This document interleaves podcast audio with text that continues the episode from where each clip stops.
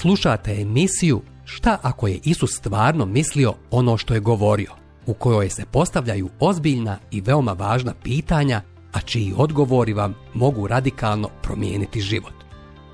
U slučaju da imate pitanja ili želite da znate više o našoj emisiji, na kraju epizode ćete dobiti informacije kako nas kontaktirati.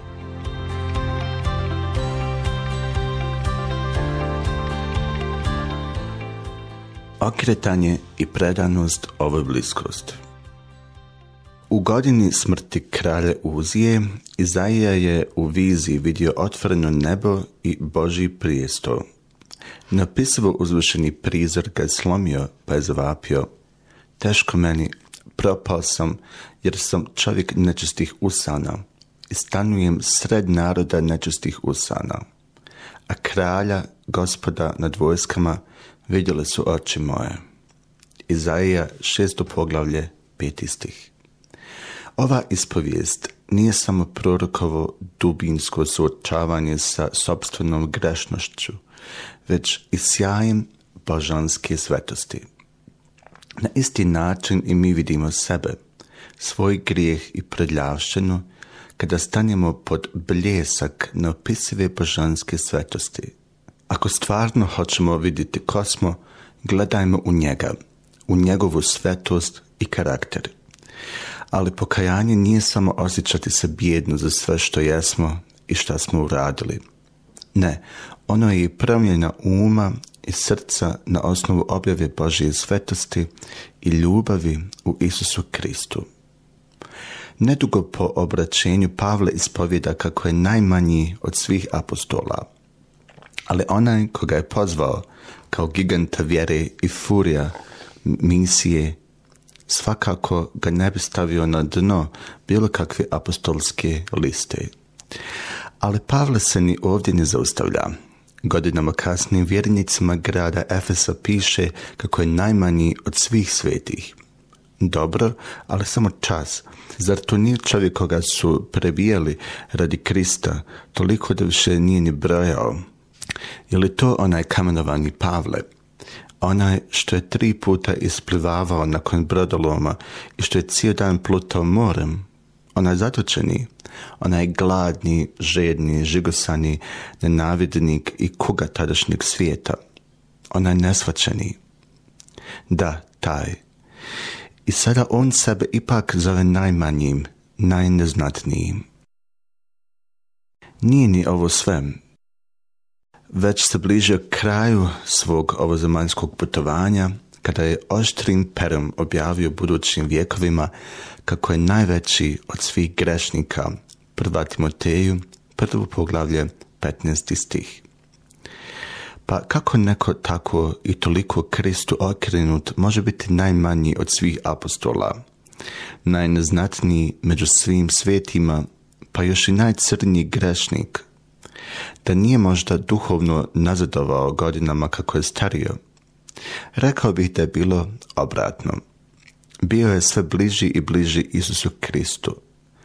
Zato je tako dubinski sagledavao svoj život u svjetlu ljepote i blještavila Kristove svetosti.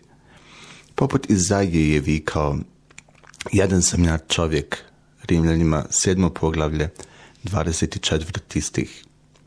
Zar ne vidimo i sami sebe u sličnom svjetlu? Ako ne vidimo da nije to zbog odsustva bliskosti sa Kristom, definisanje odnosa. Neobično je važno razumjeti šta se dešavalo u događajima opisanim u izlasku 19 prije zapovijesti koju razmatramo, a koja je sa ostalim data u narednom poglavlju – ne uzimaj uzalud ime gospoda, Boga svoga. Naime, Bog prvo sklapa savez sa svojim narodom, pozivajući ga u odnos sa sobom. Savez se zasniva na krv žrtvenih jaganjaca, na krvi koja pokriva njihove grijehe, sve do konačnog i posljednjeg jaganca Božijeg, Isusa. On će konačno platiti cijenu otkupljenja za grijehe sveg svijeta – Dakle, izlazak 20 nam govori da Bog sada svom već izabranom narodu daje zakone. Čemu? Jedan od razloga jeste pokazati im koliko su daleko od standarda njegove besprijekorne pravednosti. Ali zakoni su tu da bi im pokazivali kako živjeti kao valjani Boži predstavnici okolnim narodima. Ali ovdje bi trebalo da nam je još nešto jasno – gospod Jehova, Bog Izraelov, nije dao ovaj zakon da bi ljudi mogli pokušati ostvariti odnos s njim.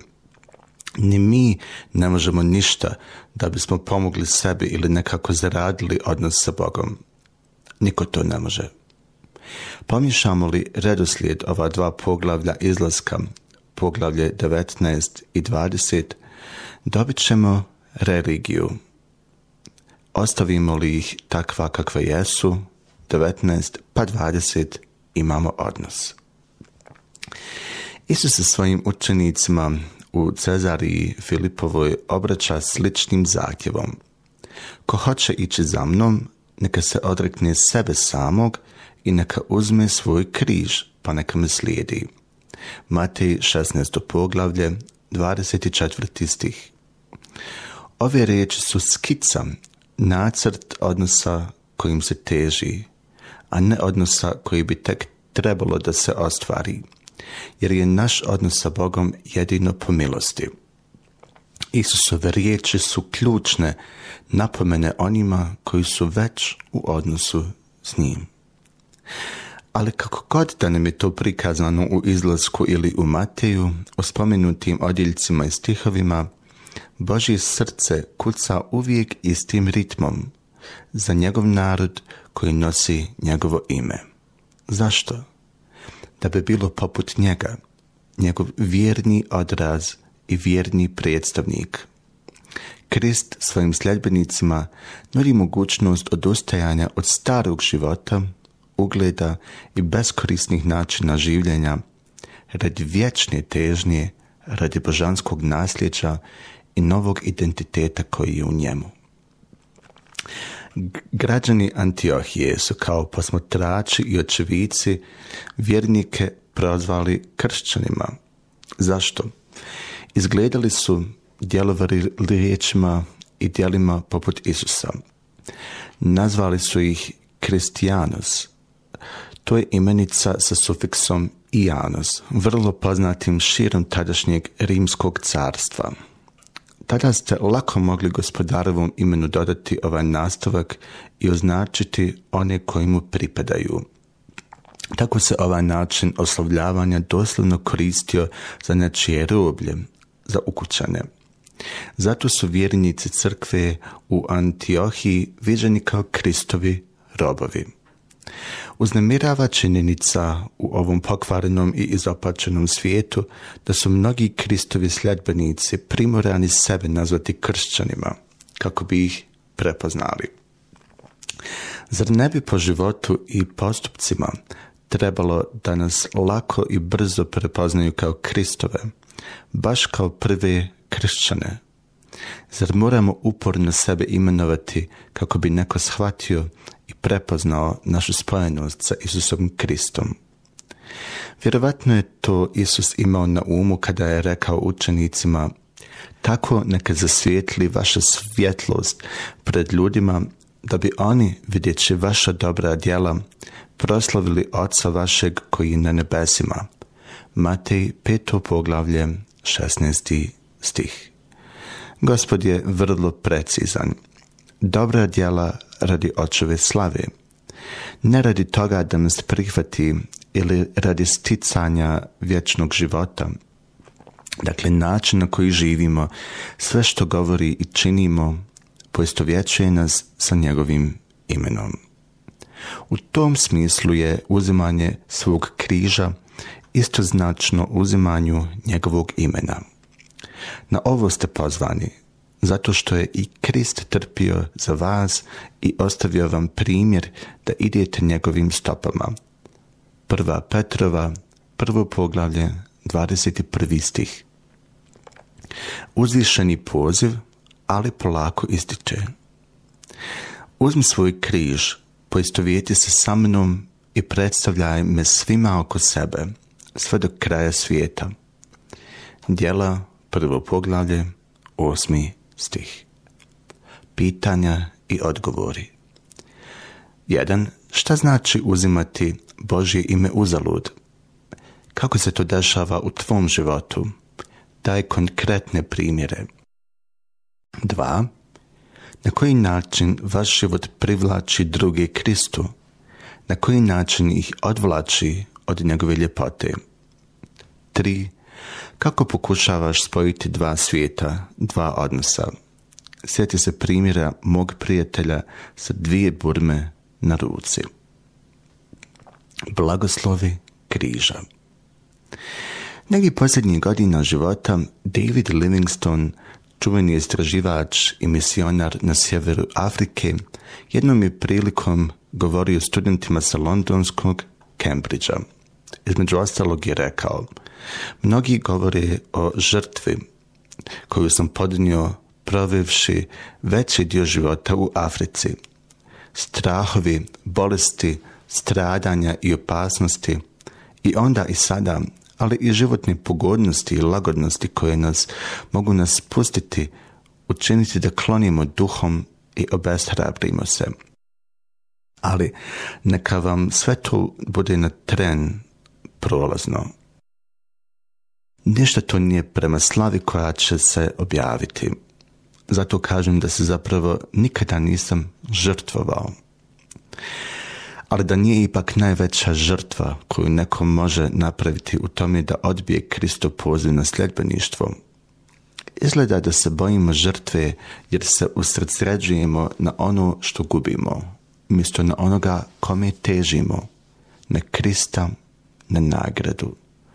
Držimo li se plitkih zemaljskih snova koji blijede sa prolažnošću našeg tijela, koji nestaju sa ovosvjetskim nemirima i na posljedku ispare u času smrti. Zar smo žrtvovali Isusov poziv na sljedbeništvo na oltaru svjetskih ponuda trenutnog uspjeha? Ezav izvječiti primjer svetog pisma za čovjeka koji je zauvijek žrtvovao pravo prvorodstva, nešto zarad nečeg prolaznog, tanjer variba. Koliko je tek besmislenije i budalastije ako živimo za stvari ovog svijeta, a nudi nam se vječna nagrada i bliskost sa vječnim svemogućim Bogom. Možda živimo za sadašnji trenutak jer istinski vjerujemo onome koji ima vječnost u ruci, sjetimo se Isusove priče o čovjeku koji je pronašao blago u polju. Kraljevstvo nebesko je slično i blagu sakrivenom u polju koje čovjek nađe. On ga tada sakrije i sav radostan ode prodati sve što ima pa kupi ono polje. Ovaj čovjek bez trunke žaljenja odstranjuje sve što stoji između njega i polja na kojem je blago. Sa rađošću se rješava prošlosti kako bi dobio slavnu budućnost. Dok ne vidimo Krista kao to se kriveno blagom, možda ćemo žaliti za ovo svjetskim bižuterijama, koju prvo moramo odbaciti da bismo postali gospodnji sljedbenici. Potrebno je Pavlovo srce kada kaže što više ja sve smatram gubitkom radi spoznanja moga gospoda Isusa Krista, koji sve nadilazi. Filipljanima treće poglavlje, osmi stih. Charles Tindley, metodistički propovjednik pod 19. i iz početka 20. vijeka napisao sjajne stihove. Ništa između duše moje i spasa moga, da bih mu blaženo lice gledati mogao, ništa što me odvaja od blaženstva toga, nek su mi putevi čisti, baš ništa između mene i mog Boga. Ali ni sljedeći stih ne pogađa ništa manje srž poruke. Ništa između nikakve svjetske slasti, života navike, kako god se činile bezazlene, neka mi srca ne zazebe od njegove vlasti, jer on mi je sve i neću ništa među nama. Tindli je jasno uočio šta su ovo svjetska blaga. Shvatio je da je smetnja bilo šta što se ispriječi između njega i Krista. Kada se čini da nas blagoslovi unazađuju? Ono što je gospod Isus poručio svojim učenicima zvuči radikalno drugačije – od poruke prosperiteta koja odjekuje sa mnogim današnjim propovjedonicam po svijetu. Ali ja vama bogatima, jer ste primili svoju utjehu. Ja vama koji ste sada siti, jer ćete gledovati. Ja vama koji se sad smijete, jer ćete žaliti i plakati. Ja vama ako ljudi o vama lijepo govore, jer su tako njihovi preci govorili o lažnim prorocima. Zar je moguće da bogati, siti i nasmijani, oni voljeni budu prokleti? Ovi riječi nas primoravaju na odluku. Zar smo sasvim promašili značenje pojma blagoslov? Zar smo tako rastavljeni od uma Kristovog da blagoslovom zazovemo ono na čim on plače, a plaćemo nad onim što on zove blagoslovom. A šta ako je Isus stvarno mislio ono što je rekao? Dakle, pitanje je, šta je blagoslov za Boga? Kada on govori o tome, govori o siromasima u duhu, o žalosnima, krotkima, gladnima, žednima pravednosti, milostivima, onima čistog srca, mirotvorcima, progonjenima zbog pravde i onima koji se nisu pokolebali zbog njega. Znači li to da je blagoslov sve ono što nam donosi bolje bogopoznanje i više Kristovog blaga? Koje su to trenutne okolnosti u našem životu u kojima bismo voljeli vidjeti Boga da nas baš tu upotrebi za svoju slavu i naš rast. Brzi smo na razmatranju biblijskih stihova, na porukama i raznim objavama tipa Jeremije 29.11. Kada Bog poručuje, jer ja znam naume koje sam za vas osmislio, govori gospod, dobre naume, ne loše, da vam dam budućnost puno nade, ali samo tren šta je sa prethodnim desetim stihom? Čitamo, ovako kaže gospod, kada se navrši babilonski 70 godina, zauzet ću se za vas i ostvarit ću nad vama moju dobru riječ. Vratit ću vas na ovo mjesto. Kako dobre vijesti. Boži su naomi veći od naše ovozemaljske prolaznosti. Zato prestanimo uklapati Boga u naše priče i uklapajmo sebe u njegove. One daleko veće i onu najveću. Na kraj Narnije u naslovu Posljedna bitka luis piše svi njihovi životi i sve avanture u Narniji su tek korice i naslovna stranica. I sada, tu na kraju, tek sada otpočinje prvo poglavlje te velike priče koju niko od zemljana nikada nije čitao. Priče koje traju i traju do vijeka. Priče u kojoj je svako novo poglavlje bolje od prethodnog. Nekom priliku sam u Londonu imao značajnu pauzu između letova. Želeći pročerdati lijepo večer, otišao sam u pozorište i našao po sjajno niskoj cijeni kartu za predstavu Fantom u operi u pozorištu njenog veličanstva. Tražio sam svoje mjesto i dalje se čudeći čarobno niskoj cijeni.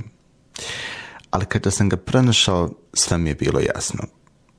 Bilo je baš iza golemog stuba na balkonu, odakle nisam mogao vidjeti dio pozornice sa desne strane – Srećom, ova predstava je daleko više muzička nego scenska, ali sam ipak te večeri naučio nešto za vijek vijekova. I u životu vidimo tek dio stvarnih zbivanja. Naš život se odvija u vremenu, a Bog je u vječnosti. Ono što je za njega blagoslov mi često vidimo kao prekletstvo. To je zato što smo bića prašine, zemljani, i stoga prečesto zemaljski mislimo. Baš kako kaže apostol, kada vidimo nejasno kao ogledalo, onda ćemo vidjeti licem u lice. Prva Korinčanima 13. poglavlje 12. stih. Da li smo uznemireni zato što ne znamo što nas čeka iza sljedeće životne krivine, Zar ne vjerujemo da onaj koji zna naš kraj još od početka, taj naš lični vodič koji se brine, zna i to, jer im je stalo da nas više od nas samih. Fanny Crosby, iako slijepa, još jedna od najplodnijih pjesnikinja ikada. U jednoj od 8000 evanđelskih pjesama napisala je Cijelim putem vodi me spas moj. I šta bih onda uz to još pitala? Zar ne vjerovati milosti toj, zar pred tog bih skitala? Kada nas Krist poziva uz poziva nas na život blagoslova, ali istinskih blagoslova. Nisu to strasti prolaznog bogatstva ili bilo čega drugog što bi nas omelo na putu ka vječnoj nagradi. Ne, on je poziva na život oblikovan i ispunjen onim što vječno traje. I kako je samo otrežnjujuće kada se suočimo sa sobstvenim brzim zamorom i, i razočarenjima, kada nam dođe sve ono što nam je gospod obećao. Još čudnije je to što smo često, kada gospod dopusti, baš ono što nam je obećao, skloni najviše sumnjati da je on tu pored nas? Pitanja i odgovori. Jedan, postoji li nešto u našem životu e, za što žalimo? Kako bi Bog mogao to upotrijebiti za naš blagoslov? Drugo, imamo li u životu nešto što je u očima svijeta blagoslov, ali nas ipak koči u životu sa gospodom? I tri, zašto je najveća žrtva koju možemo učiniti odbijanje Kristovog poziva slijediti ga?